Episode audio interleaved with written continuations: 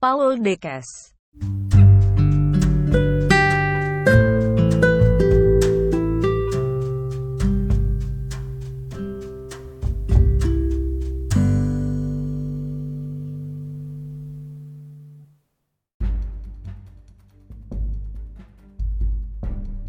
Selamat malam anak-anak semuanya. Kebetulan saya tag voice-nya ini malam hari. Aku Paul. Aku, aku Paul. Aku Paul. Ya, ini eh, narasumber kecil ya. Oke, eh, kita mau belajar sejarah Indonesia. Kamu mau ikut gak? Oh ikut. Ini sejarah Indonesia tuh tentang kerajaan-kerajaan Islam. Kamu tahu nggak? Tahu? Tahu. Emang kerajaan Islam ada apa aja? Satu. Singa satu. Singa satu. Singa sari kali. Terus apa lagi? Hah? Dah, ayo mau lanjutin ya. Kamu dengerin aja ya. Oke. Eh, kita akan belajar sejarah Indonesia tentang kerajaan-kerajaan Islam. Masuknya Islam. Ya, dalam masuknya Islam ini eh, meliputi saluran Islamisasi, Iya. kemudian kerajaan-kerajaan Islam. Nah, oke. Eh, kita akan membahas soal yang ada di halaman 239. Ya, 239. Silakan dibuka. Sudah dibuka halaman 239 di buku paket Sejarah Indonesia Ratna Hapsari, penerbit Erlangga. Oke, setelah dibuka kita akan baca. Nah, untuk kali ini kita akan bahas nomor 1 sampai nomor enggak semuanya ya, sampai 22. Alasannya adalah materi terakhir kita hanya sampai kerajaan atau Kesultanan Demak. Kok demak Emang kamu tahu Demak? yang kayaknya Abila? Emang gimana? itu pandemak kincing-kincing hmm, sok tahu nih kadang oke nomor satu adanya upacara tabut tabwik di Sumatera Barat mendukung teori menyatakan Islam di Indonesia dibawa masuk oleh orang-orang. Nah apa itu tabwik? Kita harus tahu dulu tabwik. Ya cek di halaman 189 udah 189 nah di situ eh, teori Persia ya teori Persia adalah upacara memperingati meninggalnya Husain bin Ali cucu Nabi Muhammad Nah, ada acara tabwik diperingati tanggal 10 Muharram atau 1 Asuro Nah, di sini berarti peringatan ini adalah peringatan berasal dari Persia. Jawabannya adalah C. Nomor 2, di bawah ini pernyataan yang tidak terkait masuknya Islam ke Indonesia.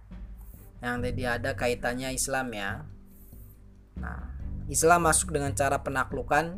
Nah, ini yang tidak termasuk karena Islam masuk dengan eh, beberapa saluran ya seperti perkawinan, kesenian, tasawuf ya. Oke, jadi yang lainnya kita anggap sesuai ya. Islam telah masuk Indonesia sejak abad ke-7. Kemudian proses penyebaran Islam berjalan secara bertahap ya, enggak sekaligus. Kemudian kerajaan Majapahit berjasa menyebarluaskan Islam di tanah Jawa. Betul karena Raden Patah itu kan keturunan Majapahit. Peran kerajaan Tiongkok sangat penting dalam penyebarluasan Islam dalam periode awalnya, betul. Ya, jadi banyak eh, pengaruh Tiongkok di di Nusantara. Salah satunya adalah eh, apa namanya Gunung Jati. Ya, Sarif Hidayatullah itu kan dia ibunya berasal dari Tiongkok. Ya, jadi nomor dua tadi jawabannya adalah A. Nomor tiga, di antara pilihan-pilihan berikut ini, manakah yang bukan saluran penyebaran agama Islam? Nah, tadi kan udah dibahas ya sedikit disinggung kesenian termasuk, dakwah termasuk, perkawinan termasuk, ajaran tasawuf termasuk. Yang bukan adalah penaklukan B. Oke, selanjutnya nomor 4 Menurut teori Mekah, salah satu alasan pendukung bahwa Islam di Nusantara berasal dari Mesir atau Mekah adalah kesamaan. Nah, di sini cek di halaman 189 juga. Ya. Nah, di sini ada tuh di bagian uh, paragraf pertama ya di teori Mekah di situ tertulis bahwa ada mazhab-mazhab besar ya Mekah dan Mesir ya dan itu artinya bahwa ini ada kaitannya dengan mazhab ya. Selanjutnya adalah nomor 5 seharusnya ya. Di sini tertulis nomor 6. Perkawinan antara para saudagar Islam dan penduduk Nusantara ataupun putra-putri sultan memudahkan penyebaran Islam karena jadi kan ini saluran perkawinan Nah, jadi saluran perkawinan ini ada alasan, alasannya adalah A.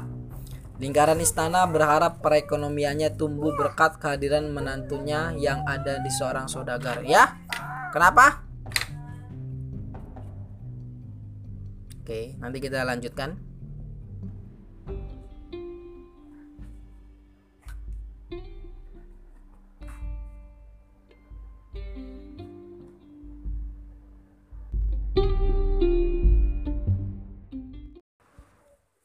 Selanjutnya nomor 7 Cara yang dianggap paling jitu untuk menyebarluaskan Islam ke daerah-daerah terpencil adalah melalui saluran.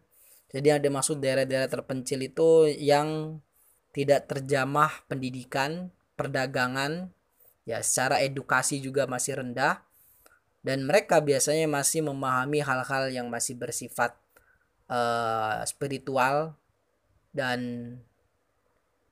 uh, estetika ya. Jadi sehingga dalam hal ini jawabannya adalah B, kesenian. 8. Wali Songo yang terkenal aktif berdakwah melalui saluran kesenian adalah Nah, di sini saya coba sedikit kalian mendengarkan instrumen ya. Karena e, beberapa lagu-lagu khas khas kita itu berasal dari tokoh-tokoh yang ada di sini nih. Ya, nanti kita akan dengarkan uh, lagunya apa aja dan kalian boleh menebak nih nih siapa Sunan siapa pencetusnya.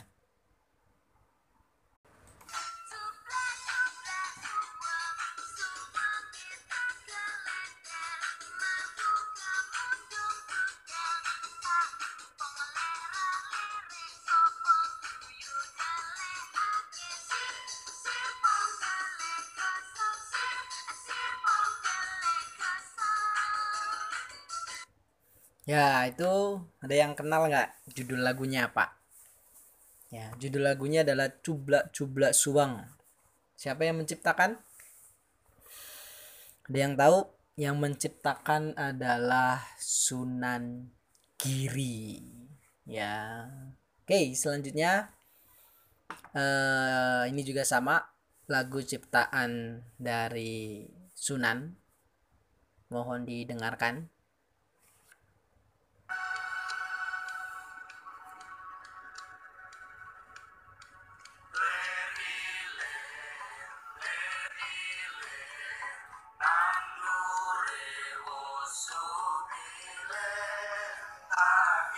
Oh.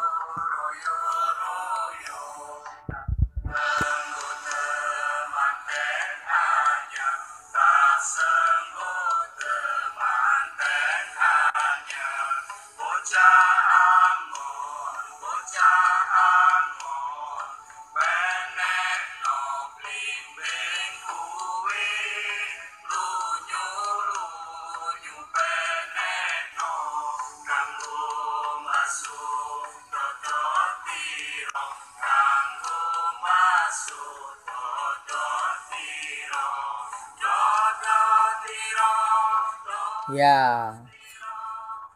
Ada yang tahu siapa pencipta lagu tersebut? Sunan siapa namanya? Ya, itu adalah ciptaan daripada Sunan Kalijaga. Oke, itu udah ketemu tuh ya tadi jawabannya. Ya, tadi pertama Sunan Giri, kemudian Sunan Kalijaga. Nah, jawaban yang mengarah ke sini adalah A, betul?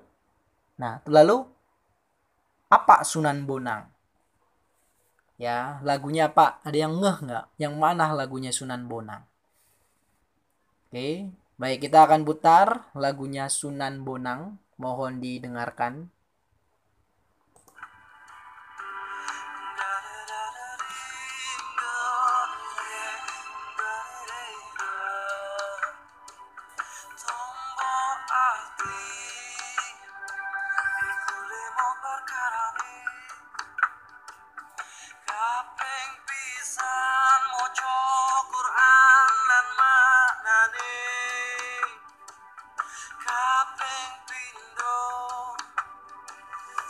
Salat wengi lakonono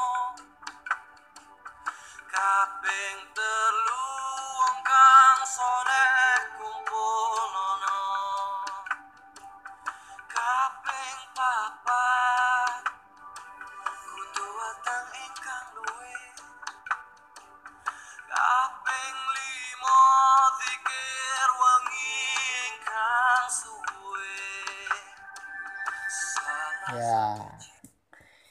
Itu dia adalah ciptaan daripada Sunan Bonang. Tapi kalau yang sekarang yang nyanyi itu eh, Mas Opik ya. Tapi aslinya itu adalah diciptakan oleh Sunan Bonang dengan lagunya Tombo Ati. Oke, kita lanjutkan. eh atau kalian mau mendengarkan salah satu lagi? Mumpung nih sebenarnya lagi malam-malam ya. Sebenarnya ada sebuah ciptaan. Kadang sunan-sunan yang, lain juga dia menciptakan sebuah kayak kidung kemudian kesenian yang lainnya yang bernuansa eh, nyanyian ya. Nah kidung ini semacam kayak perpaduan antara gamelan dengan syair. Ya. Nanti kalau mau dengarkan ya nanti akan saya putarkan dan tebak itu tuh lagu apa. Ya oke. Lingsir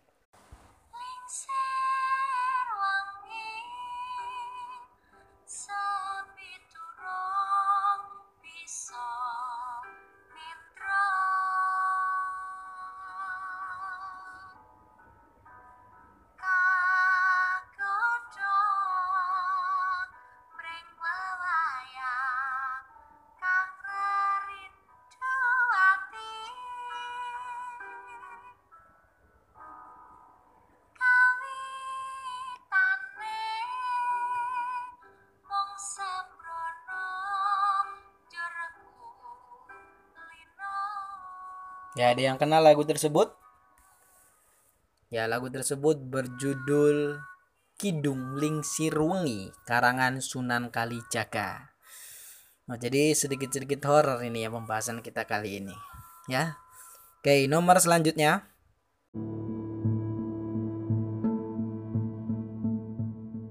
Nomor 9. Di antara pilihan-pilihan berikut ini, bentuk kesenian yang bukan merupakan saluran penyebaran agama Islam adalah Ya, jadi kalau di sini kita lihat B, C, D dan E itu semuanya tertera dalam ajaran Islam.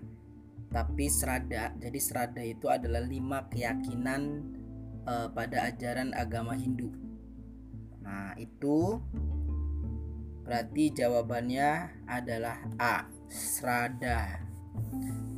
Kemudian nomor 10 pada masa perkembangan agama dan kebudayaan Islam di Indonesia berkembang se- sejumlah jenis sastra.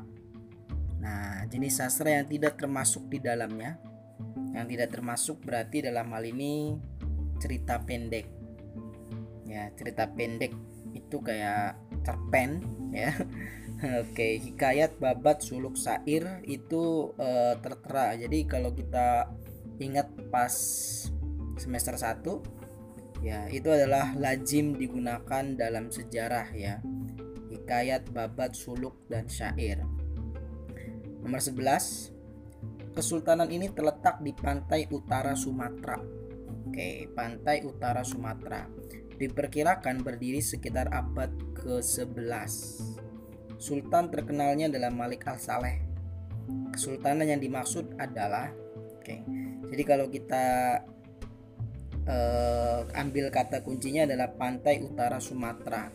Berarti paling ujung di atas ya. Nah, paling ujung di atas itu eh, dia kalau misalkan jawabannya Aceh ya kalau jawabannya Aceh itu sebenarnya lebih dulu Samudra Pasai ya jadi Samudra Pasai eh, dipimpin oleh Malik Al Saleh kalau yang Aceh itu adalah Iskandar Muda. Nah jadi itu adalah perbedaan antara Samudra Pasai dengan Aceh. Kalau Perlak itu adalah eh, cikal bakal dari Samudra Pasai. Cuman tidak banyak yang eh, banyak yang di sejarah mengatakan bahwa Perlak adalah yang pertama. Tapi di situ Samudra Pasai mengatakan eh, melanjutkan daripada kerajaan Perlak jadi di sini nomor 11 jawabannya adalah D nomor 12 pada masa Hindu Buddha seorang raja dianggap sebagai titisan dewa di dunia nah konsep ini adalah konsep kepemimpinan Nah, di zaman Islam, maksudnya di era Islam ini raja dianggap sebagai apa? Nah, di sini yang jelas bukan dewa dan wali ya.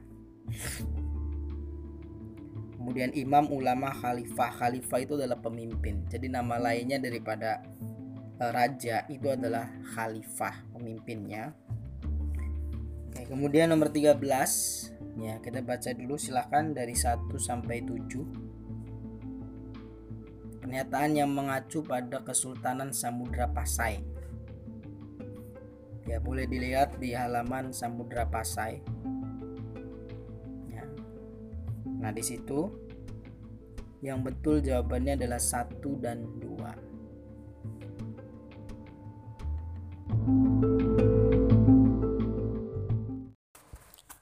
Kita break sejenak sambil diselingi berita berikut ini.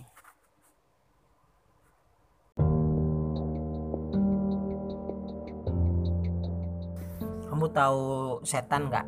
Hmm, nggak mau ah. Kenapa emang? Nggak mau main itu itu capek. Gak mau setan-setanan? Enggak, Hantu deh, hantu aja. nggak mau. Emang kamu takut hantu? Serius? Kamu pernah lihat hantu? Iya. Emang hantu kayak ondel-ondel? Mukanya warna apa? Hijau, Oh, mukanya warna hijau. Matanya?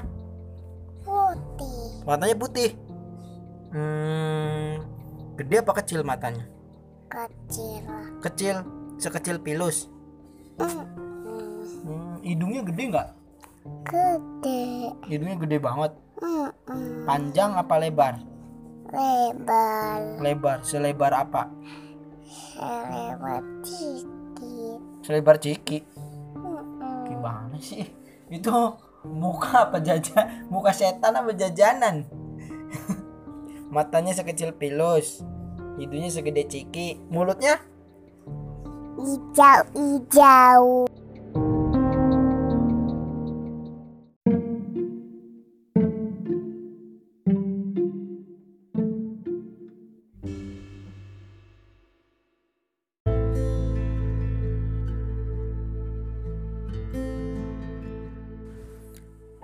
Nomor 14.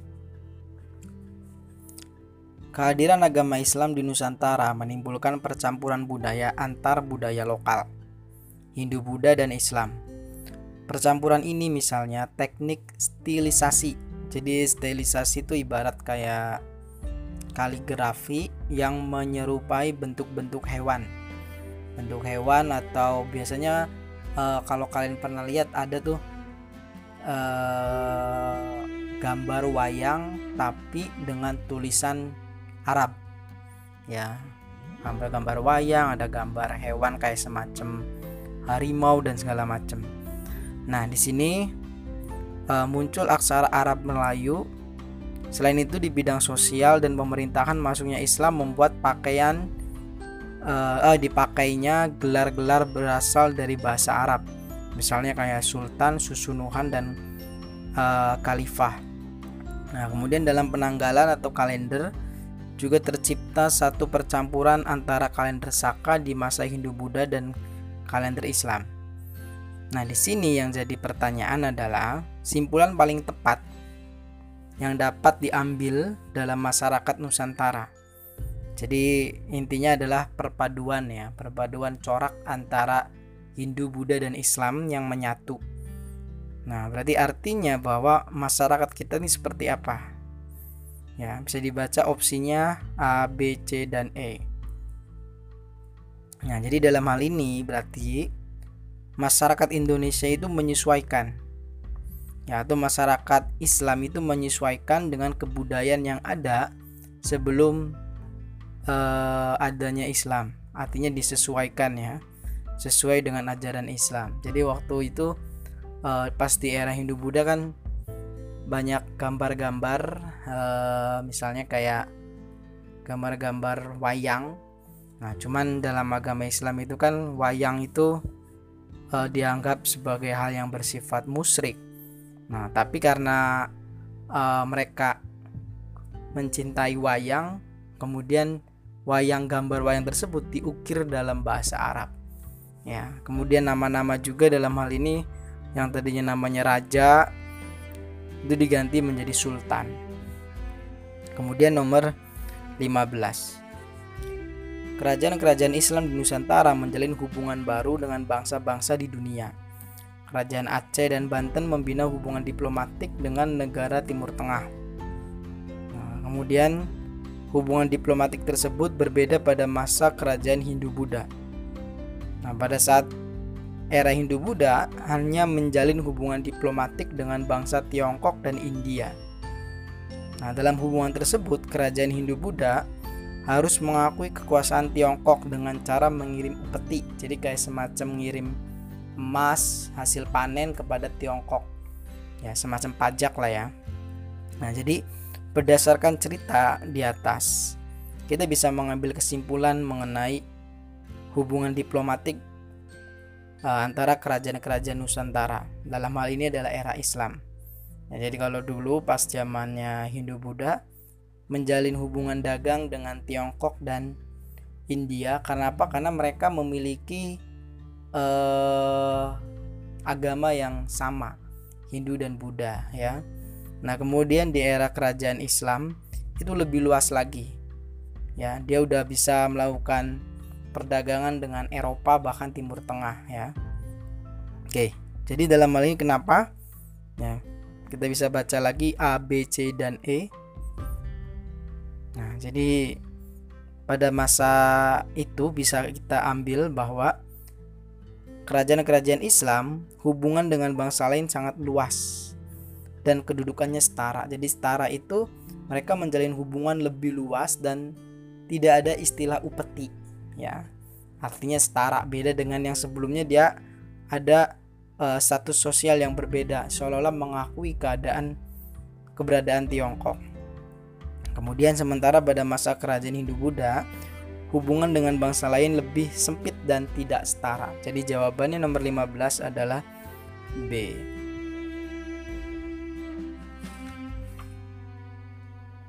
Nomor 16. Salah satu saluran penyebaran agama Islam yang paling efektif adalah tasawuf.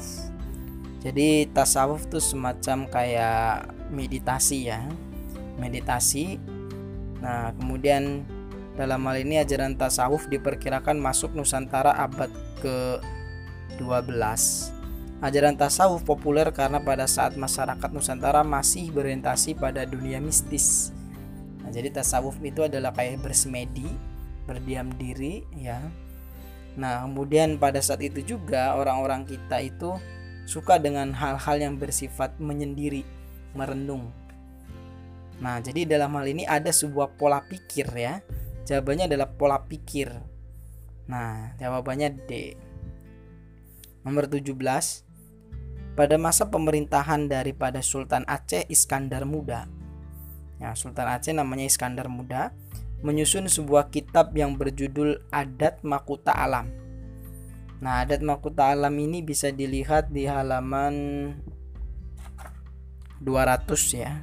Di halaman 200 ya, kita langsung aja itu tertulis bahwa undang-undang tata pemerintahan. Selanjutnya nomor 18.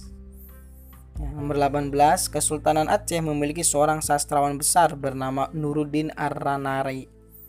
Nuruddin Ar-Raniri yang menulis Bustanus Salatin yang berarti Taman Raja-Raja. Ini masih di halaman yang sama, halaman 200. Ya. Di situ berarti berisi tentang silsilah sultan-sultan atau di sini bisa dikatakan sistem pergantian raja. Oke, itu adalah nomor 18.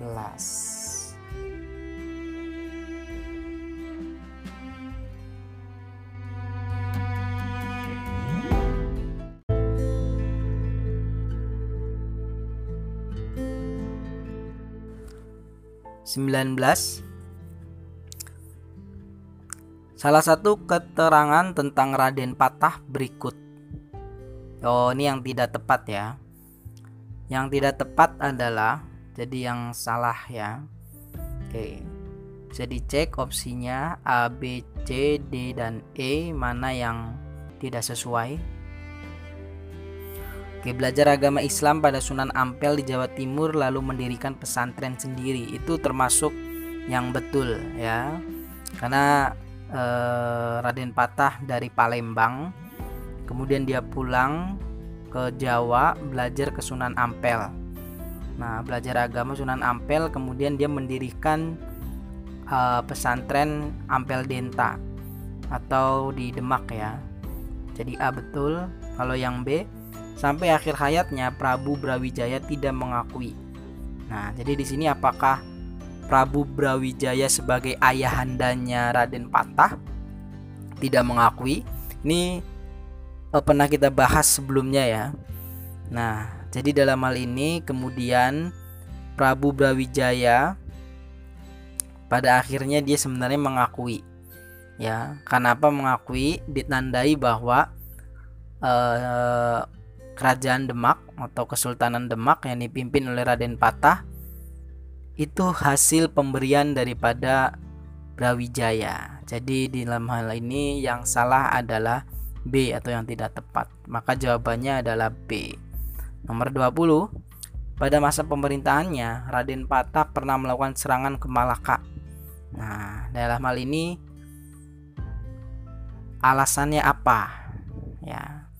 Alasannya adalah di sini opsi A itu adalah bentuk solidaritas terhadap sesama kerajaan Islam atau kesultanan. Jadi pada saat itu Malaka dikuasai oleh Portugis.